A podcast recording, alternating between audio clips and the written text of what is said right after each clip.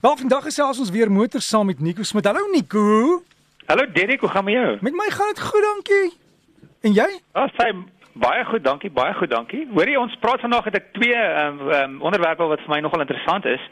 Die eerste gedeelte is ehm um, uh so ruk gelede het ons daaroor gepraat. Ehm um, vervaardigers het vroeër toetse gehad en hoe en dit was hoe hulle jou brandstofverbruik uitgewerk het. Hm. En dit was uh, bekend as die NDC toets of New European Driving Cycle Test. Maar daai toets was al in die 1980s of was in die 1980s ontwikkel en die probleem met die toets is dat dit ehm um, vir verouderde toets was. Dit was nie regtig, dit was meer in 'n laboratorium gedoen en dit het nie regtig gereflekteer wat in die wêreld gebeur nie. En onlangs het het het hulle in in die wêreld het hulle 'n nuwe toets ontwikkel en dis bekend as die WLTP uh, of uh, in Engels praat hulle van die Worldwide Harmonized Light Vehicle Test Procedure. Nou, wat dit beteken is dis 'n nuwe toets. Ehm um, dit maak meer staat op op op ehm um, wêreldkondisies wat wat meer realisties is. Met ander woorde, die voertuie word teen hoër spoed en teen meer teen hoë um, spoed getoets.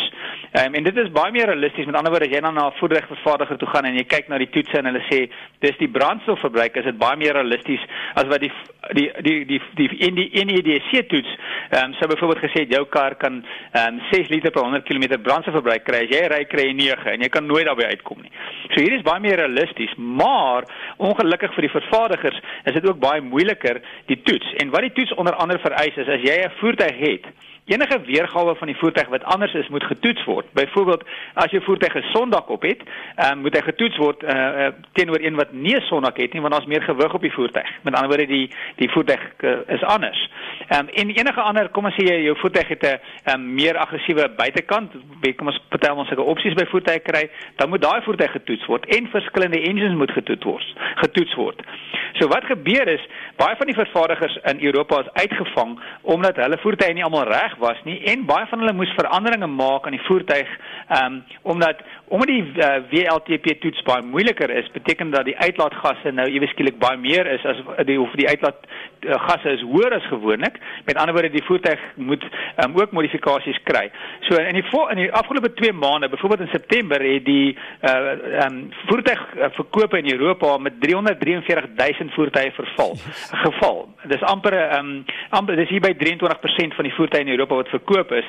En hulle sê die vervaardigers het omtrent net 57% van hulle weergawe wat reg was om getoets te word. So baie baie vervaardigers ehm um, se se verkope het geval as gevolg van die toets en ek dink ook dit gaan ons in Suid-Afrika beïnvloed want ons het werk ook met die WLTP toets.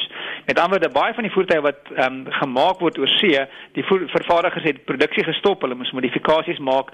So ek dink dis ook iets wat ons in Suid-Afrika gaan gaan ondervind as ons na sekere vervaardigers toe gaan, gaan die sekere modelle nie kan kry nie omdat hulle nie vervaardig word in Europa totdat al die voertuie getoets word nie. Daar's tans net 20 toetsstasies in Europa uh, en en hulle sê hulle werk nou um, 6 dae 'n week 24 uur per dag net om te probeer om voor te kom om al die voertuie te toets. So dit op, op, alhoewel dit 'n goeie ding is vir um, om seker te maak dat ons die regte waardes het vir die uitlaatgasse van die voertuie, het dit nogal vervaardigers um, in die moeilikheid gelaat met hulle verkope en om die voertuie reg te kry in tyd vir die toetse. Die vervaardigers sê hoorie maar die toetse was eers hulle het eers die die finale details van die toetse geweet in Julie 2017 so baie van hulle voel dis onregverdig want hulle het nie genoeg tyd gehad nie. Maar die toetse het 1 September um, is dit in Europa moet die voertuie uh, in daai vereistes voldoen. En en soos ek sê baie voertuie uh, vervaardigers het het nogal moeilikheid. Ja, hulle het moeilikheid en en jy kan van daai getalle maar eintlik manipuleer om jou te pas, né? Wel hulle dis die ding met, met WLTP kan hulle nie en WLTP is, is baie baie baie streng as hmm. gevolg van die al hierdie ons het voor baie probleme in die afgelope paar jaar baie vervaardigers veral met hulle diesel voertuie en en die die wat hulle sê die uitlaatgasse is en wat dit regtig is is is nie akkuraat nie maar WLTP is is gaan die dis juist die ding is jy mens kan nie jy kan nie skelm wees met WLTP nie hmm. um, en wat baie uh, vervaardigers gedoen het byvoorbeeld nou hulle het ook um, buite Europa hoef alle karre nie WLTP toetse te hê nie so dit is ook 'n geval van in Europa is dit WLTP as die standaard, maar buite Europa is dit nie noodwendig die standaard nie. Ek weet Suid-Afrika uh, val ook onder nou WLTP. So ek weet in Europa is dit is dit nogal 'n groot probleem vir baie vervaardigers. Hulle verkoop dit baie geval. Wow. Onigo as as iemand ja, skies.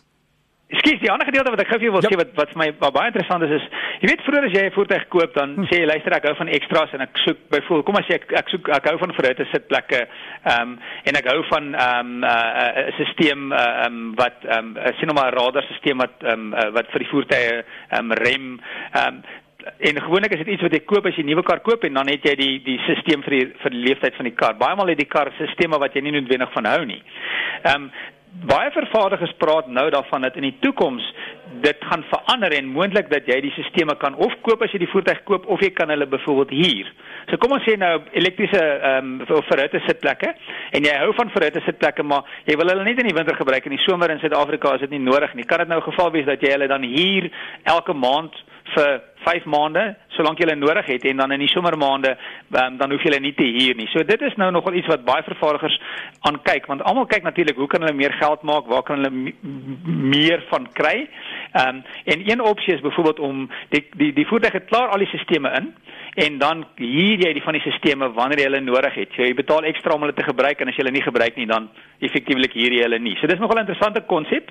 Ehm um, en ons sal sien of dit of of of of die mense wat die voertuie sal koop, ons jy weet ons is publiek of ons eh, die voertuie of ons daarvoor sal gaan. Ek is nie heeltemal seker. Party mense sal miskien dit interessant vind. Vir persoonlik verkies ek eerder om die voertuig van die begin af te koop en meer te betaal en en dit te hê as om om te huur, maar baie mense as jy kyk na ons nou musiek luister dit verander. So baie mense sal moontlik dit oorweeg as 'n opsie dink ek.